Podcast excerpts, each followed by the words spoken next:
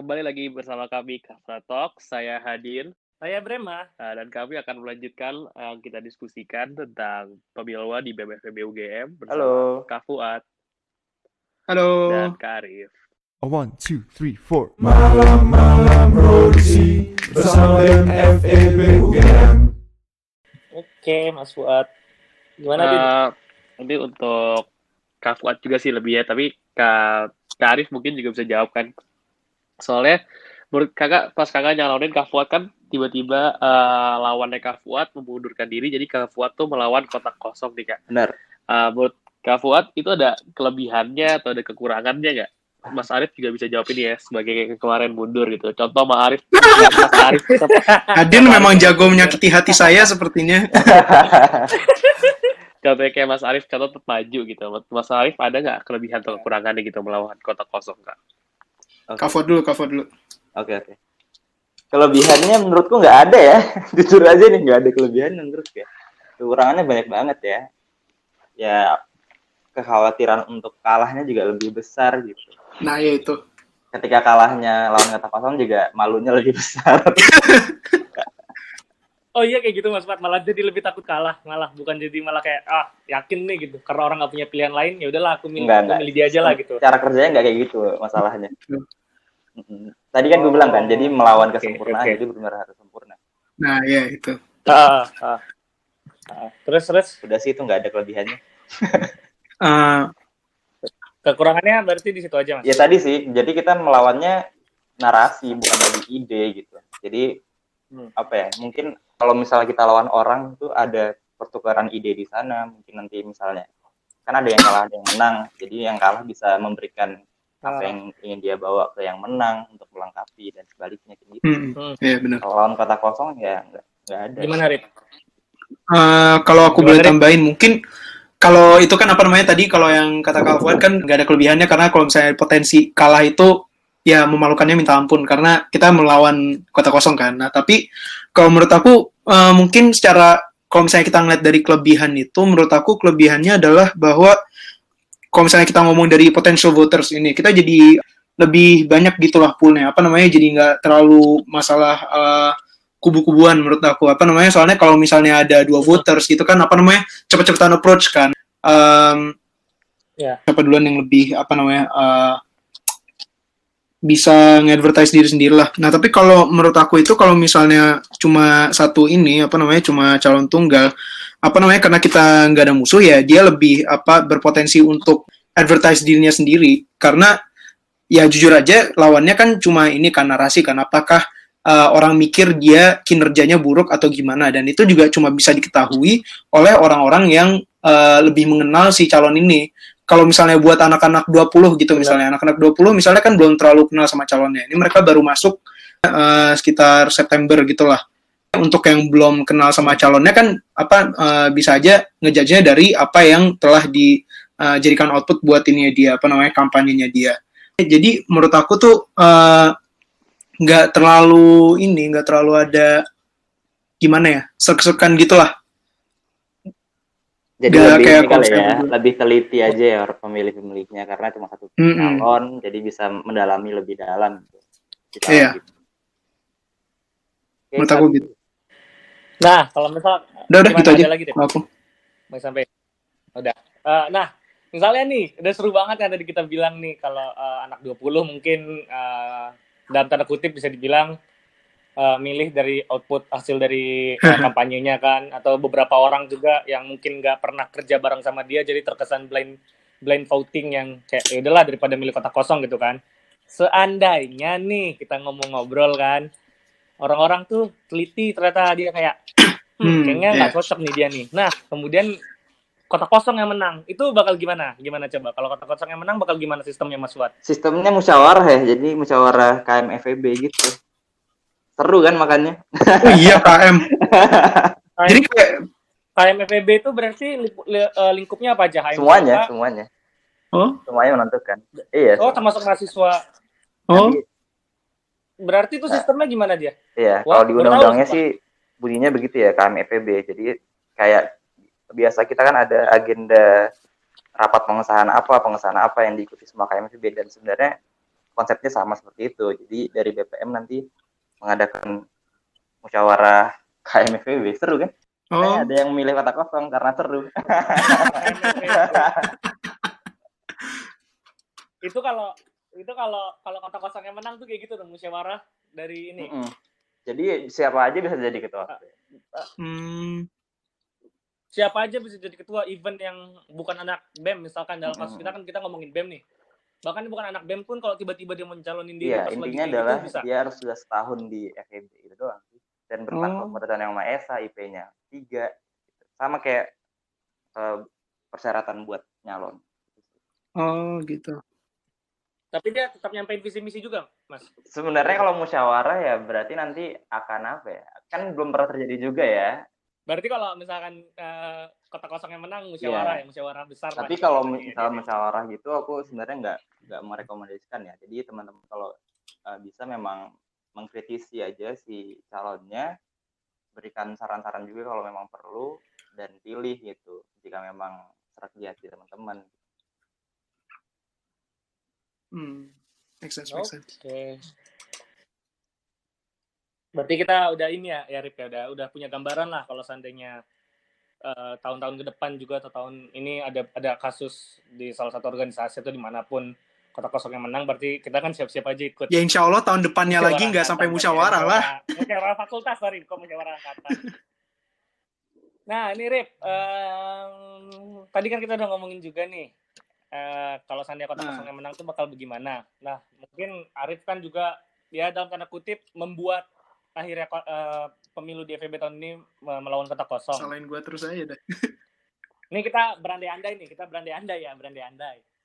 Kalau seandainya kota kosong menang, kemudian juga akhirnya dibawa sampai Hmm. ke musyawarah KM FEB gitu. Eh pertanyaannya adalah ada nggak sih yang sebelumnya nggak jadi maju dengan berbagai alasannya, terus kayak dia karena kota kosong menang dia Hmm. berubah pikiran gitu, atau bahkan mungkin Arif juga mau bilang mau ngobrol-ngobrol sedikit di sini tentang apakah Arif sendiri menyesal gitu akhirnya mengundurkan diri setelah beberapa rangkaian eh, pemilu dilalui ini gitu Eh, Rip? bentar, Dari aku Arif. klarifikasi dulu. Apa namanya? Bukan aku mengundurkan diri ya, aku dipaksa untuk mundur. Karena karena ada kondisi Oh. yang aku harus fulfill tapi tidak I see, tidak terfulfill akhirnya ya udah gitu loh. Maksudnya ya kalau misalnya kita ngomongin tekad aku sendiri nih ya masih ada kemauan gitu loh. Tapi ya indifferent lah, mungkin stay di kastrat mungkin apalah. Tapi anyway, kita kembali ke questionnya. Nah, kalau menurutku sendiri itu kan tadi seperti aku bilang kan ada eh, empat tuh yang eh, mau mencalonkan diri termasuk Leo sama aku. Nah, Mm-mm. kalau dari ini nih dari set ini tuh yang nggak jadi itu masalahnya karena nggak diboleh nggak diizinin orang tua karena di eh, sisi kampanye karena kalau di kampanye takutnya kan ini kan specifically untuk Kenapa? tahun ini kan online kan ya jadi kayak nge-reach orang itu akan lebih susah lah ketimbang mungkin eh, tahun lalu yang offline gitu ketemuan orangnya eh, interaksinya lebih beda nah mungkin dengan apa namanya eh, hilangnya keharusan kampanye itu eh, bukannya berubah pikiran si eh, mahasiswanya, tapi justru yang berubah pikiran orang tuanya. Akhirnya orang tuanya mungkin mengizinkan, akhirnya dua calon yang tadi itu, misalnya yang lain-lain itu, mungkin mereka maju lagi gitu. Menurut aku sih gitu, karena kan masalahnya kalau spesifik ke yang sekarang ini kan gara-gara ini nggak diizinin orang tua. Kalau misalnya yang apa namanya, yang tadinya punya tekad. Kalau untuk yang lain-lain itu yang apa namanya kan tadi aku bilang ada sebenarnya masih lebih banyak lagi. Kalau yang sebenarnya masih lebih banyak lagi, mereka emang masalahnya itu dari masalah niat diri sendiri karena takut misalnya di eksternal atau kenapanya eh, atau mungkin di workload. Nah, tapi kalau misalnya untuk yang aku bilang tadi yang bertekad itu karena memang masalahnya di restu orang tua karena takut nanti keteteran pas lagi masa kampanye. Kalau misalnya kita ke musyawarah di mana kampanye itu nggak as necessary sekarang gitu. Kalau kalau misalnya demokrasi yang benar-benar ada beberapa pilihan kan kampanyenya harus benar-benar going strong kan. Tapi kalau musyawarah kan mungkin rada beda sifatnya ya. Eh, karena aku sendiri juga nggak tahu musyawarah kayak gimana. Iya, iya. Tapi eh, mungkin kita lihat, mungkin enggak. Tapi kalau misalnya sampai terjadi, mungkin ini potensinya mereka naik lagi. Menurut aku gitu. Oke, berarti eh, kalau seandainya lawan kota kosong yang tadinya nggak jadi nggak jadi nyalon Eh, mungkin, lagi mungkin gitu ya. Karena ah, kemungkinan naik lagi. Tapi menurut Arif sendiri tuh adil nggak sih buat orang yang udah capek-capek bikin ini bikin apa grand design semua baik di band Hmm. baik di HMJLK lain Ya. gitu loh. Menurut Arif sendiri adil nggak gitu? Atau emang it is what Hmm. it is gitu? Karena Ya kalau menurut aku sih it is what it is ya. Soalnya eh, sebagai calon ketua BEM-nya dia memiliki eh, apa waktu untuk ngekampanyein diri sendiri. Pertama juga kan calon tunggal kan. Tadi kita udah eh, ngomongin eh, bahwa calon tunggal itu nggak terlalu nggak apa namanya nggak cepet-cepetan get votes karena dia nggak harus ngelawan eh, calon lain. Nah, jadi maksudnya aku juga dan dia juga udah mempunyai oportunitas untuk ngasih lihat grand design-nya dia, untuk berorasi juga nanti kan masih ada agendanya di apa namanya di KPU MFEB UGM dan juga udah ada debat internal. Maksudnya eh, kalau misalnya sampai gimana pun itu, misalkan sampai kotak kosong menang, berarti kan eh, mungkin ada yang dilihat oleh KMFEB UGM yang kurang dari eh, si calon pemimpin itu misalkan kalau misalnya sampai itu terjadi menurut aku. Jadi menurut aku sih sebenarnya fair aja karena jujur dia juga udah memiliki oportunitas untuk eh, udah mempunyai waktu yang cukup lama untuk ini apa namanya untuk prepare untuk ngekampanyekan dirinya sendiri gitu loh menurut aku. Oke. Aku boleh berpendapat juga nggak nih? Kalau aku mungkin Nah, boleh boleh. berbeda sama Arif ya. Aku memandangnya tadi kenapa aku bilang supaya teman-teman silahkan kritisi jika ada saran berikan saran gitu karena menurutku dengan eh, musyawarah itu kita jadi gambling daripada kita memilih secara pemilu ah, gitu. Dengan grand design itu kan kita bisa melihat nih apa yang pengen Hmm. dia bawa, gagasannya, prokernya segala macam itu sudah jelas ada ditaruh di grand design itu udah, udah dengan rapi kayak gitu. Jadi ketika memang nanti akhirnya tidak terpilih gitu ya yang menang kota kosong dengan musyawarah, aku tidak bisa menjamin bahwa si orang ini punya gagasan yang lebih signifikan dan lebih komprehensif daripada yang sudah menyiapkan sebelumnya kayak gitu sih kalau aku. Hmm, iya sih bener sih. Mungkin iya sih unfairnya di situ sih. Tapi Iya. berarti kalau misalkan eh, tapi berarti kalau misalkan yang kalah melawan kota kosong Nggak itu bisa, nggak bisa nyalon lagi kan bisa. berarti di musya- eh, di musyawarah. Eh, ini sebelum pertanyaan terakhir deh, eh, mau nanya sedikit agak agak-agak gimana gitu, tapi tolong jawab aja gitu, biar biar apa biar biar ada sedikit Anjing. bumbu manisnya gitu. Seberapa berapa, berapa berapa persen sih kalian ya berapa persen kalian yakin tahun ini kota kosong nggak akan menang di setiap HMJLK dan BEM sendiri dan BPN juga ya? Iya, iya, BPN juga. Oh, Se- Seberapa persen Nggak akan menang ya? kota kosong nggak akan menang? dari cover dulu deh Nah, yang udah Kamu dulu experience. deh, kamu dulu lah. Eh, gimana ya? Gini sih, kan apa?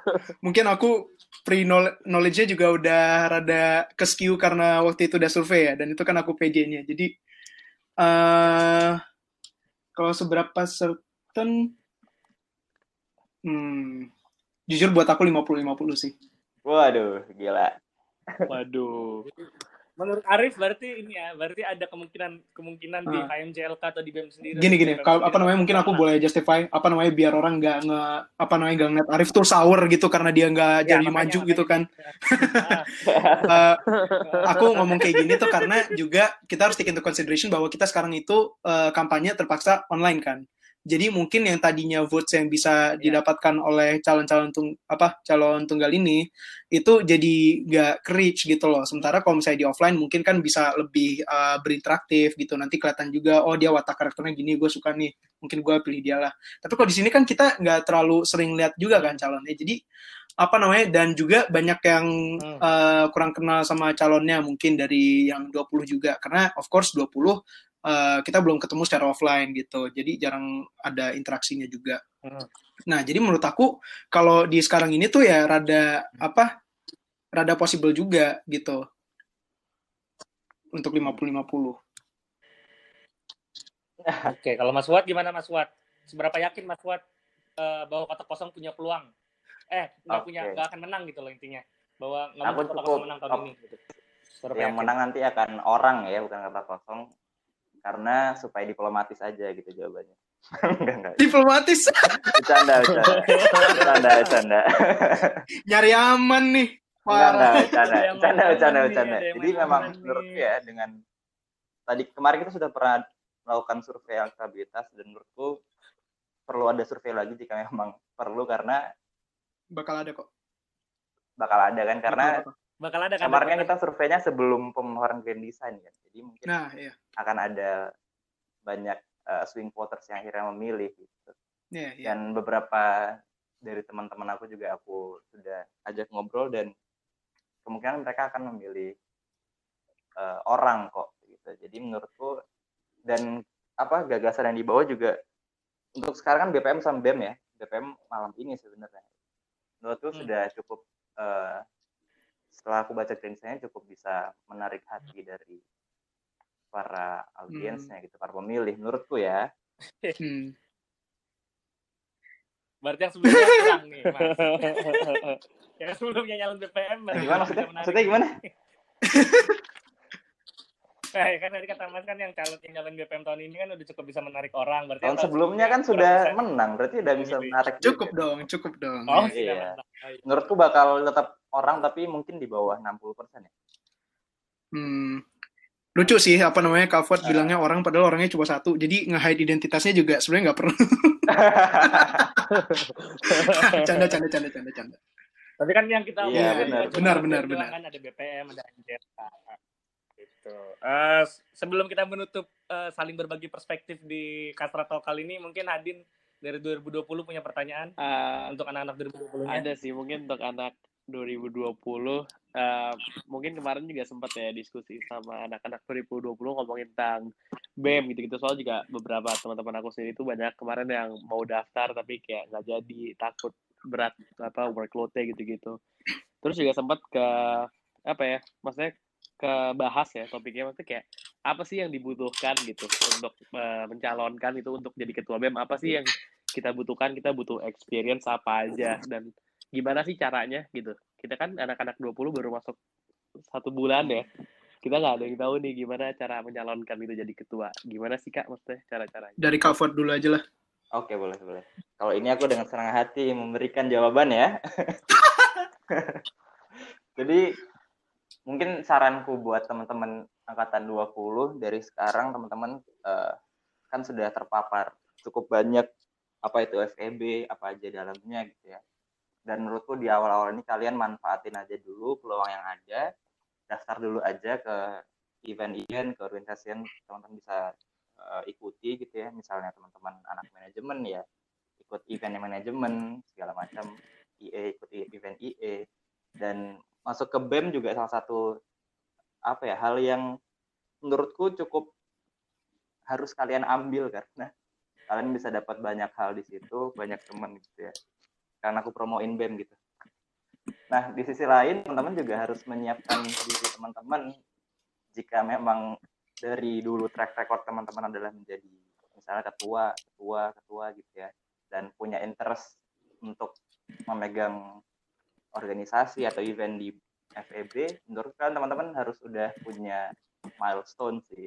Milestone di semester 1 mau ngapain, semester 2 mau ngapain, di tahun kedua mau ngapain, dan seterusnya. Gitu. Jadi teman-teman juga tahu apa yang pengen dicapai dan tahu gimana caranya cara ke sananya gitu menuju ke sananya itu sih yang harus disiapin di sisi lain juga perbanyak ngobrol dengan cutting itu juga salah satu hal yang baik karena ini juga online semua kalian kalian belum masuk ke FEB secara langsung gitu ya mungkin info-info dari cutting sangat berguna buat sekarang Bener.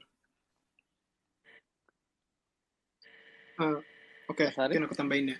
Kalau aku mungkin lebih spesifik buat experience-ku. Kalau menurut aku tuh, kalau misalnya kalian mau siapin buat eh, jadi cakabem, itu eh, tekadnya tuh udah harus disiapin sejak awal gitu loh. Menurutku mungkin malah sebelum semester 3 mulai. Mungkin dari semester 2 kalian udah mikirin gitu.